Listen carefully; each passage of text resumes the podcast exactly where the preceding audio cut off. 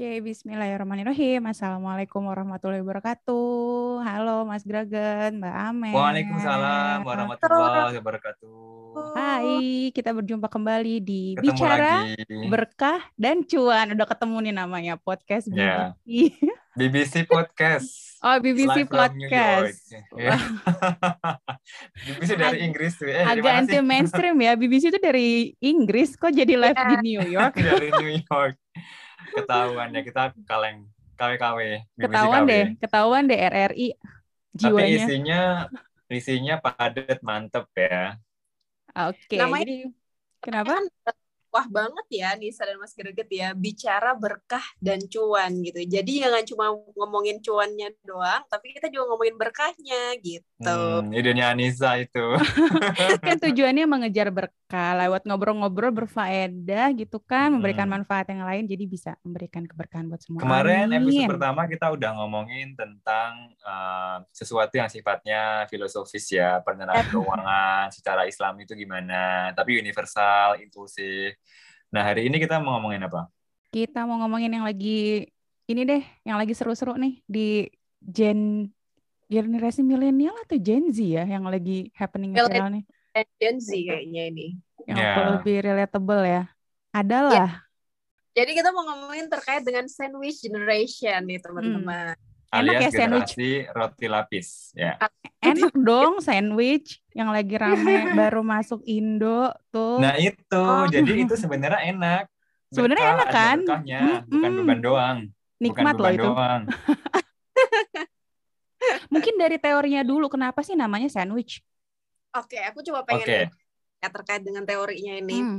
Jadi hmm. Uh, ini sebenarnya dikenalin sama namanya Dorothy Miller nih tahun 81. Jadi dia itu ngenalin sandwich generation di mana definisinya sandwich generation ini adalah keadaan nih di mana kita itu terhimpit sama satu generasi di atas kita dan satu generasi di bawah kita. Jadi kalau namanya hmm. sandwich itu kan dia kehimpit sama dua roti ya, roti di atas sama roti Betul. di bawah. Jadi Betul. artinya udah sandwich generation, kita ini punya tanggungan buat ke orang tua kita gitu ya di atas kita sama kita juga punya tanggungan nih buat keluarga di bawah kita yaitu anak kita dan keluarga kita sendiri gitu sih teorinya Nisa hmm. Oke oke oke. Tambahan tambahan izin izin menambahkan bu ya. Silakan. Jadi berasa rapat ya di extend sensor. Ya jadi sebenarnya sandwich generation itu bentuknya banyak tambahan buat hmm. Amel tadi ya. Ibaratnya kayak misalnya aku aku nanggung kakek nenek plus orang tua itu juga sandwich. Hmm. Meskipun dihimpit dua di atas gitu ya. Terus misalnya ya, ya misalnya aku aku udah punya anak, anakku punya anak lagi dia cucu. Aku nanggung anakku, nanggung cucuku itu juga sandwich sebenarnya. Intinya kita ah. dapat dua beban. Jadi bentuknya sebenarnya banyak gitu ya. Emang itu satu hal yang apa ya? Aku bilang mungkin lebih tepatnya tantangan. Jadi kita milih mau jadiin beban hmm. atau jadiin berkah kesempatan. Iya. gitu. Mantap, bener nggak? iya iya iya. Betul. Betul betul kalau bisa dilihat dari sisi himpit menghimpitnya kayaknya langsung kebayangnya sesek gitu ya. Kita maksudnya kalau maksudnya kalau ngebayangin dari situ satu dihimpit ditekan kanan kiri atas bawah tuh kayaknya lebih posisinya jadi mendesak atau jadi nggak nyaman gitu kan. Tapi kalau dibungkusnya kan sandwich ini ya makanan enak loh sebenarnya gitu kan. Jadi bisa jatuhnya sebenarnya ya ada satu sisi poin uh, berkahnya juga nih. Tadi Mas Gerot udah udah bilang ada enak dan berkah nih. Memang berkahnya dari sandwich generation tuh kira-kira apa nih? Tetot mikir. Ya, kesempatan.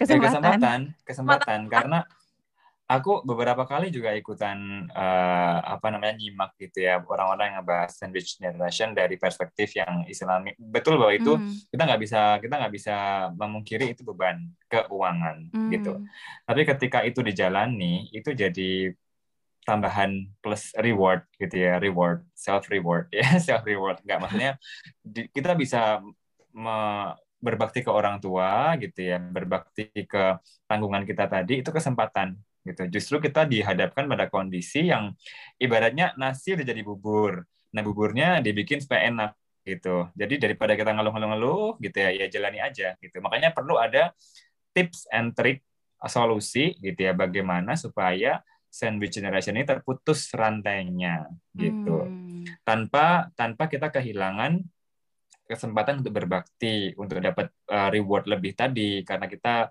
menanggung orang tua kita gitu. Jadi pertama kita perlu ngebahas dulu penyebabnya tuh apa sih sebenarnya mm-hmm. yang bikin misalnya Aniza atau uh, Amel atau aku jadi sandwich generation gitu. Nah setelah itu mm. solusinya apa yang ditawarkan gitu. Ya ya, aku pengen nambahin nih, pengen nambahin juga nih Nisa terkait nambahin mulu. Ya, kan fungsinya begitu kita saling menambah menambahkan bicara berkah nih okay. kalau berkah kan nambah-nambah mulu itu ayo oh ya gelas tapi berkah okay, okay. uh, sebenarnya aku udah sepakat banget dari semua poinnya Mas Gregat ya. Cuma nambahin sedikit aja nih Mas Gregat. Jadi benar banget sebenarnya dengan jadi sandwich generation itu juga bisa menjadi keberkahan buat kita. Kenapa? Karena kita bisa itu adalah ladang pahala gitu buat kita gitu ya. Jadi hmm. bisa menjadi ruang buat kita untuk birrul walidain gitu ya, hmm. untuk kita lebih lagi kepada orang tua kita. Jadi kayak Allah tuh ngasih ngasih kondisi ke kita nih begini gitu ya dihimpit gitu lah ibaratnya. Itu bukan karena bukan gak ada alasan gitu tuh pasti ada alasannya. Salah satu alasannya itu supaya kita tuh punya ruang lebih untuk birul walidain jadi yang pertama hmm. misalnya kita seorang sandwich generation hal pertama yang harus kita lakukan nih sebelum kita mumet mikirin uangnya adalah bersyukur nih kalau menurut aku dan dan uh, bersyukur ya tadi ya bersyukur karena kita punya kesempatan untuk dapatkan pahala yang lebih. Dan kalau kata Allah kan di Al-Qur'an kalau kita bersyukur nanti Allah akan tambah tuh nikmatnya hmm. kayak gitu sih kalau dari aku. Hmm.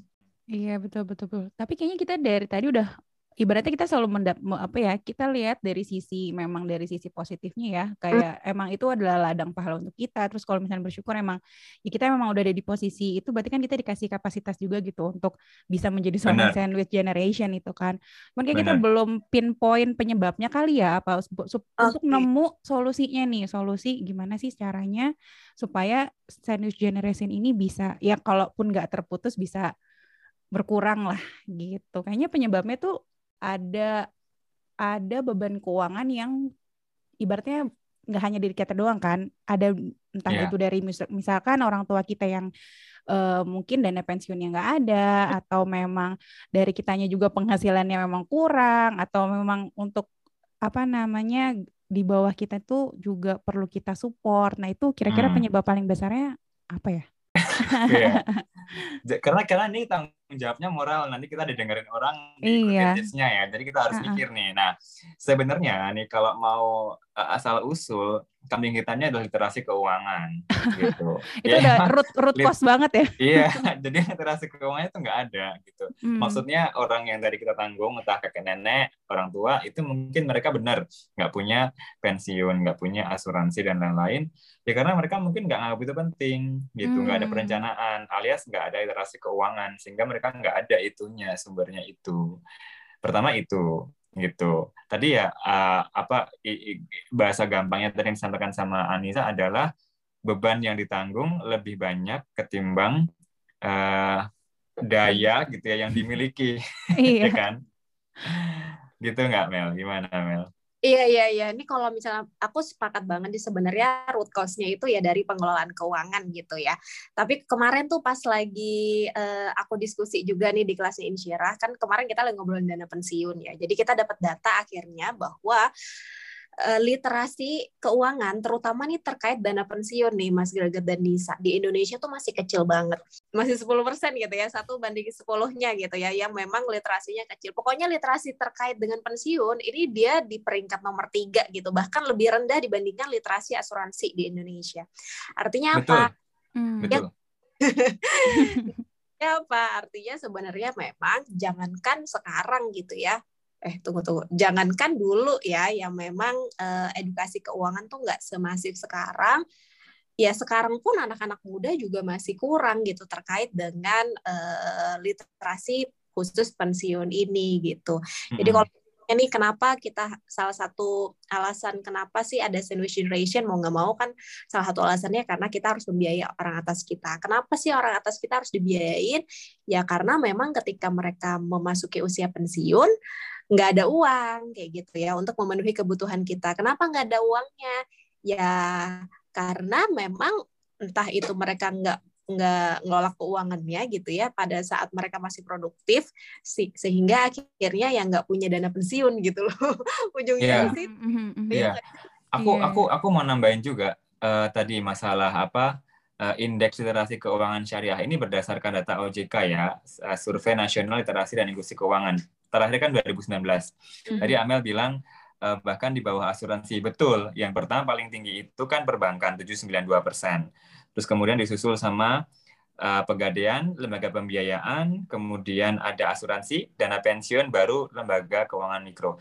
Dana pensiun cuma 2,97 persen. Jadi dari 100 orang yang ngerti dana pensiun, cuma tiga orang dari 100 orang. Jadi, jadi ya, ya oke okay lah, valid. Iya, valid, valid itu valid point banget.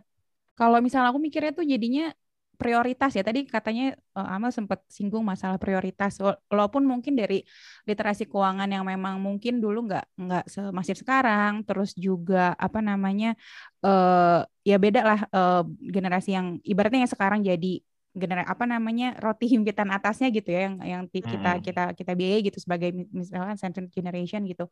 Mungkin lebih ke di prioritasnya juga. Jadi mungkin dulu itu memang prioritas pensiun itu bukan jadi prioritas utama gitu. Karena memang ya negara kita sendiri kan ya pasti masih negara berkembang gitu ya kayaknya pensiun atau ibaratnya prioritasnya masih pasti untuk konsumsi saat ini atau bagaimana ya. pendidikan jadi memang fokusnya hmm. mungkin hmm. dulu orang-orang orang tua orang tua kita itu ya memang fokus untuk dana pendidikan kita gitu bukan dan belum mikir dana pensiunnya mereka gitu. Jadi mereka jor-joran hmm. gitu kan untuk membiayai anak-anaknya sekolah. Makanya mungkin sekarang kita lihat kan di generasinya kita nih ya, dan lebih banyak sarjana sekarang mungkin lebih banyak yang nggak hanya sarjana S1 ya PS2 dan segala lain jadi mungkin aku mikirnya oh mungkin prioritas zaman dulu itu adalah untuk meningkatkan uh, dan fokus untuk dana pendidikan kita gitu anak-anaknya gitu jadi nggak belum jadi uh, prioritas jadi pensiun sekarang jadi mungkin kita udah nemu bisa satu solusi hmm. sih di sini yaitu hmm. masukin pos untuk penyiapan dana pensiun gitu hmm. sih ya hmm. nggak Ya, sebelum sebelum masuk ke solusi, uh, tadi sebenarnya dari paparannya Aniza itu ada dua uh, faktor penting. Yang pertama adalah kata kuncinya ya prioritas. Yang kedua uh, kata kuncinya aku lihat semacam tradisi. Ada ada hmm, tradisi hmm. gitu ya. Hmm. Nah untuk yang prioritas, aku mengutip kata-kata Mbak Prita. Cih, Mbak Prita kayak kenal aja gitu ya. Kenal kenal kan di IG, kenal banget, sering yeah. muncul. Semoga kita dengar dengerin podcast kita ya. Nanti kita ya, tag, kita tag. jadi kalau kata Mbak Prita, karena orang itu uh, mengutamakan kebutuhan yang nggak primer gitu. Jadi ketika hmm. kebutuhan sekunder didahulukan, ya akan gonjang-ganjing gitu. Jadi yang primer itu nggak ketulungan gitu. Jadi kayak misalnya kalau di piramida prioritas kan ada proteksi dulu, baru hmm. saving, baru eh, invest investment gitu ya. Nah, protectionnya termasuk eh, pensiun, dana darurat, asuransi itu nggak ke cover. Mereka langsung lompat ke saving sama investment. Itu kalau dari prioritas.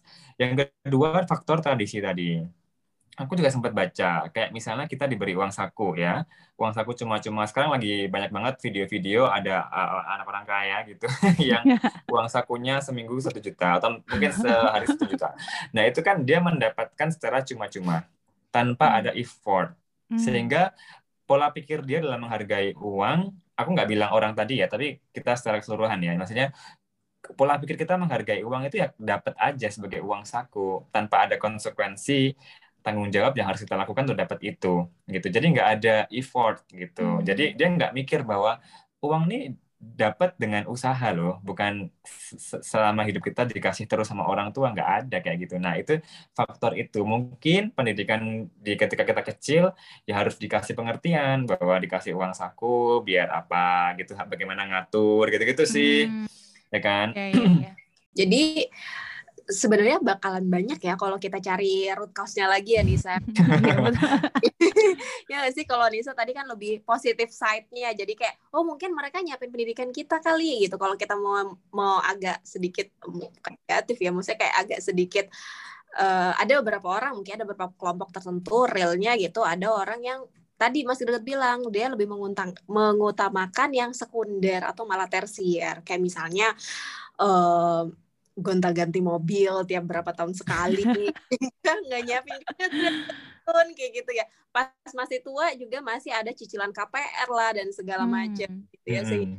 saat usia yang memang sudah tidak produktif yang harusnya nggak punya cicilan dia masih punya cicilan kayak gitu jadi jadi kalau misalnya kita lihat dari sisi lainnya ya memang uh, itu juga fakta bahwa banyak juga orang di kita ini yang belum bisa nih ngatur keuangan terutama sebenarnya ngebedain yang mana kebutuhan yang mana keinginan karena hmm. kadang kita tuh cuma tahu teorinya doang tapi dalam praktek hmm kita tuh nggak bener-bener bisa merealisasikan bener nggak sih kayak betul gitu. betul ya karena bedanya hmm. tipis banget kebutuhan dan keinginan itu aduh ada yang hmm. keinginan dibutuh-butuhin gitu seringnya kan ya jadi pokoknya kalau ingin cari justifikasi supaya butuh. iya kan, gitu. itu aduh. Kapan-kapan kita harus ngebahas yang mana yang kebutuhan. Ya. Oh itu, benar, itu perlu benar. dikupas itu. Yang Bagaimana memang... membedakan si kebutuhan dan keinginan itu. Mm-hmm. Tadi tadi balik ke solusi yang ditawarkan sama Anis tadi apa? Nyiapin dana pensiun. Nyiapin dana pensiun ada posnya, oh, iya. walaupun kecil okay. gitu ya. Karena kan hmm. aku percaya sih nggak semua orang memang mungkin punya prioritas punya gitu dana pensiun hmm. gitu karena ya hmm. mungkin aduh hidup gue aja nih udah susah dapat udah gaji UMR masa gue harus nyisihin dana pensiun mendingan buat makan orang maksudnya mending untuk makan konsumsi hari ini nah itu mungkin kebanyakan hmm. memang mikirnya untuk hari ini gitu ya kayaknya waktu itu pernah hmm. sharing aku lupa sharing dari Mas Gilbert atau Amel gitu yang bilang bahwa uh, konsumsi kita tuh nggak hanya untuk hari ini aja tapi untuk hari kita di masa depan dan juga hmm. untuk ada hak kita juga buat orang lain. Ya itu jadi ini benar ini benar. Ya kan? jadi kayak uh, jadi kayak justru ketika misalnya nih kan kita paradigmanya kan kalau aku gajinya UMR ngapain harus nyiapin ini itu? Jadi malah ya hmm. ya udah yang secukupnya aja buat sekarang. Padahal justru ketika karena kita gajinya UMR justru kita harus punya perencanaan keuangan gitu. Supaya apa? Supaya nggak ada masalah gitu loh. Jadi masalah itu hilang karena kita perencanaan keuangan. Jadi nggak masalah dengan gajinya UMR lah, gajinya selangit, semuanya butuh perencanaan keuangan gitu. Hmm. Jadi jadi selain tadi nyiapin dana pensiun, solusinya adalah dengan ya pertama mungkin mengelola pendapatan ya, artinya dia hmm. bisa mengurangi pengeluarannya gitu kan, menambah penghasilan, set hustle gitu ya. Memang mau nggak mau karena kita punya beban lebih, effortnya harus lebih gitu Betul. ya, nyari penghasilan iya, tambahan iya, iya. gitu loh. Jadi ya jangan jangan santai-santai gitu kayak di iya. pantai gitu. Iya, hmm. jadi sebelum kita kayak uh, ke dana pensiun yang pertamanya memang harus ngebenerin pola uh, ngatur keuangannya gitu sih. Jadi hmm.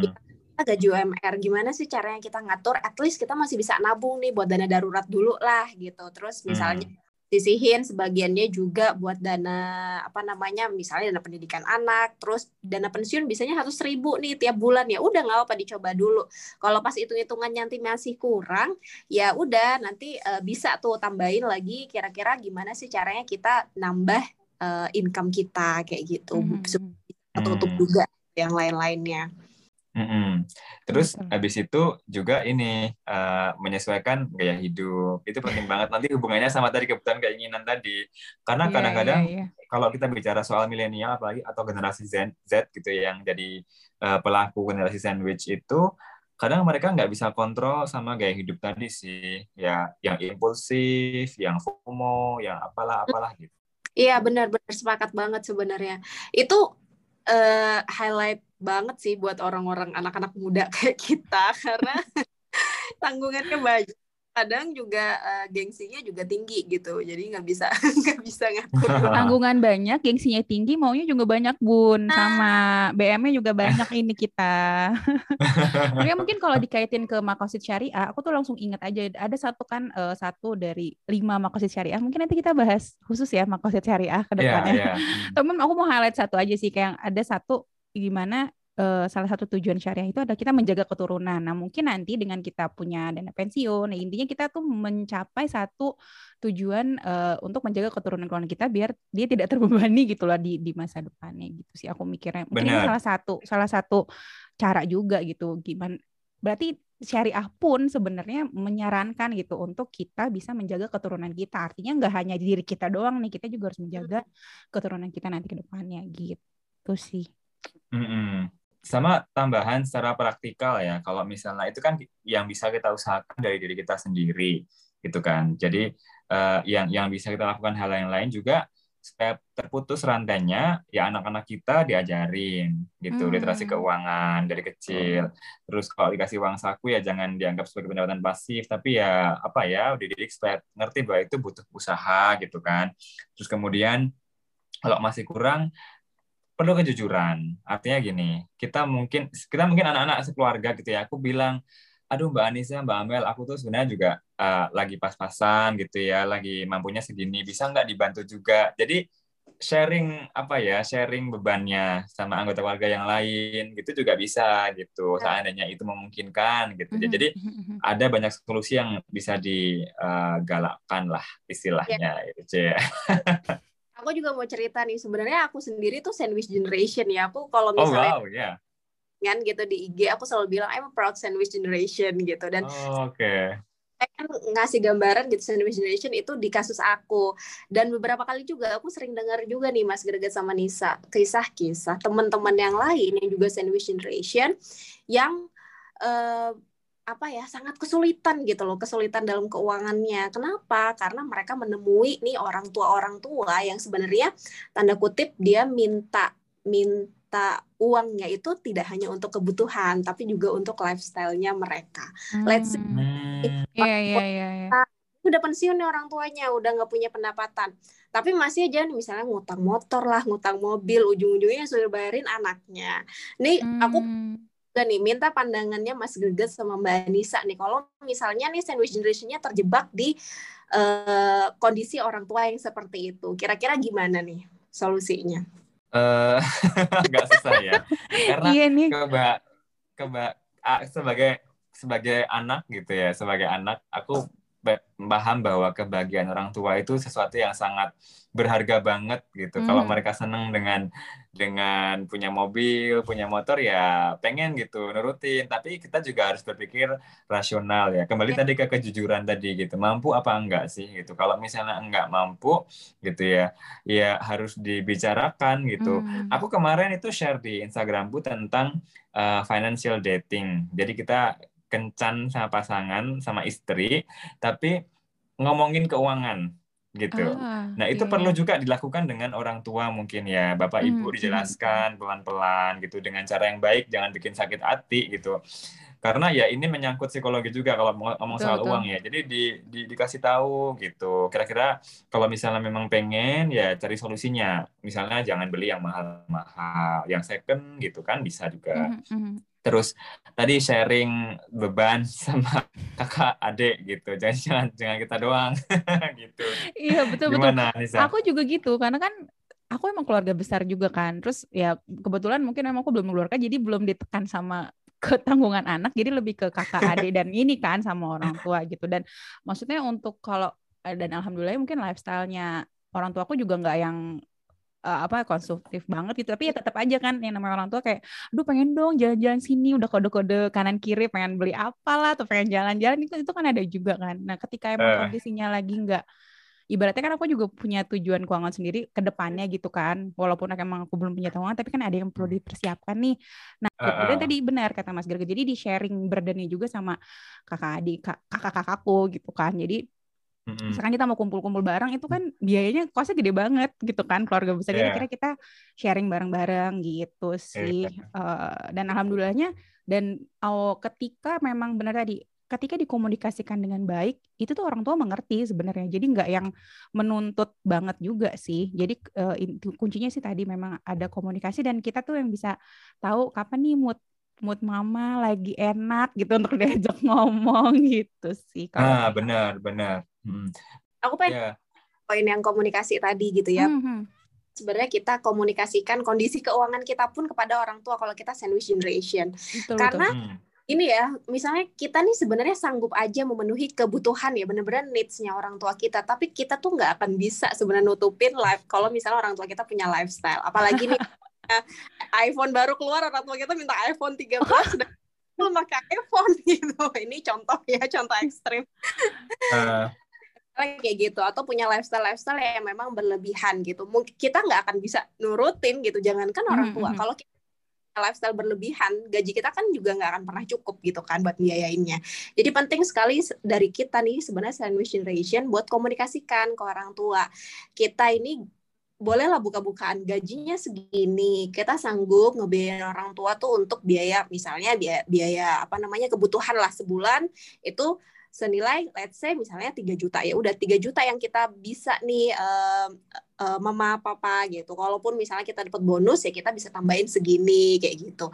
Cuman ya hmm. ya kalau misalnya kalau misalnya nih ada juga nih case-case yang ya udah kamu yang uh, apa namanya case-case yang ibaratnya ya orang tua orang tua nih ya akhirnya tanda kutip ya menganggap anaknya durhaka kalau anaknya tuh nggak mau ngasih duit gitu tuh juga kan hmm. iya iya, banget iya. generation jadi emang penting sekali komunikasiin komunikasinya juga harus baik-baik sih seperti mm -hmm. yang dicoba uh, komunikasi-komunikasi uh, ini ya maksudnya dalam Islam gitu ya gimana Rasulullah berkomunikasi dengan istrinya yeah. Tua kayak gitu-gitu ya. Betul, yeah. betul, betul. Ini seru banget sih ngobrol-obrolannya. Maksudnya kayak ngobrolin mm -hmm. sandwich generation. Semoga sih nanti para pendengarnya juga bisa take some uh, key points lah yang bisa diterapkan. Kayak tadi banyak banget. Yeah. Salah satunya tadi kita udah address uh, ini ya kalau berarti kan sekarang kalau memang kita sekarang lagi ada di posisi sandwich generation ya kalau memang daripada kita mengeluh terus juga malah makin terhimpit gitu kan baik dari hati dompet dan uh, keuangan jiwa dan lain-lainnya merasa nggak enak ya udah mungkin bisa disyukuri. Dan ya kalau misalnya ternyata memang kurang uh, pendapatannya di ya kalau misalkan ada rezeki terus juga kita punya talenta dan lain kita usahakan dapat pendapatan lain gitu ya kan? Uh, dan yeah salah satu caranya juga untuk memutus rantai supaya ke depannya nanti anak-anak kita nggak jadi sandwich generation berikutnya ya siapkan dana pensiun. Ada ya. any closing statement mungkin dari Mas Greget atau Amel silakan. Aku mau menyampaikan quotes nih Mas Greget mau ngomong. Silakan silakan. Ya, monggo monggo monggo. Quotes by Amel quotes nggak dari aku ya aku sering banget dengar ini ya quotes ini terkait dengan ini sih ya sandwich generation. Bahwa intinya sih sebenarnya kita tuh juga harus tahu diri gitu ya. Intinya intinya di, uh, dibilang gini nih yang aku sering dengar bahwa orang tua kita itu bukan dana darurat kita dan anak-anak kita nantinya itu bukan dana pensiun kita gitu ya. Jadi kita juga harus ibaratnya harus bisa memposisikan diri nih. Jangan sampai pas kita kekurangan uang gitu ya sekarang gitu belum sandwich generation datangnya ke orang tua minta-minta uang Terus pas kita hmm. udah tua, kita jadiin anak-anak kita sebagai dana pensiun kita karena kegagalan kita mengelola keuangan hmm. di masa produktif kita kayak gitu. Hmm. Itu dari aku. Wow, thank you. Tahu dari okay. aku, aku nggak aku nggak ada quotes, tapi aku pengen ngasih tahu bocoran ya bocoran yeah. berikutnya. Tadi sebenarnya kita tadi ngomongin soal apa generasi sandwich itu ada banyak yang bersinggungan ya dan makasid syariah, mm-hmm, mm-hmm. ada apa tadi ya? Mungkin dana pensiun, yang managing ini dana loh. darurat. Tadi sempat ya kan? managing cash flow ya, income apa namanya? Ya, expense uh, supaya bisa prioritas. Literasi hmm, keuangan banyak. tadi juga itu kan banyak banget. Jadi memang uh, kalau ngomongin uang tuh nggak bisa standing alone berdiri sendiri masing-masing topik ya. Jadi selalu terkait. Jadi buat teman-teman pendengar setia BBC podcast live dari Jakarta. Ya oh udah pindah ya, ya dari New York ke ya. Jakarta. Ya. oh kilat.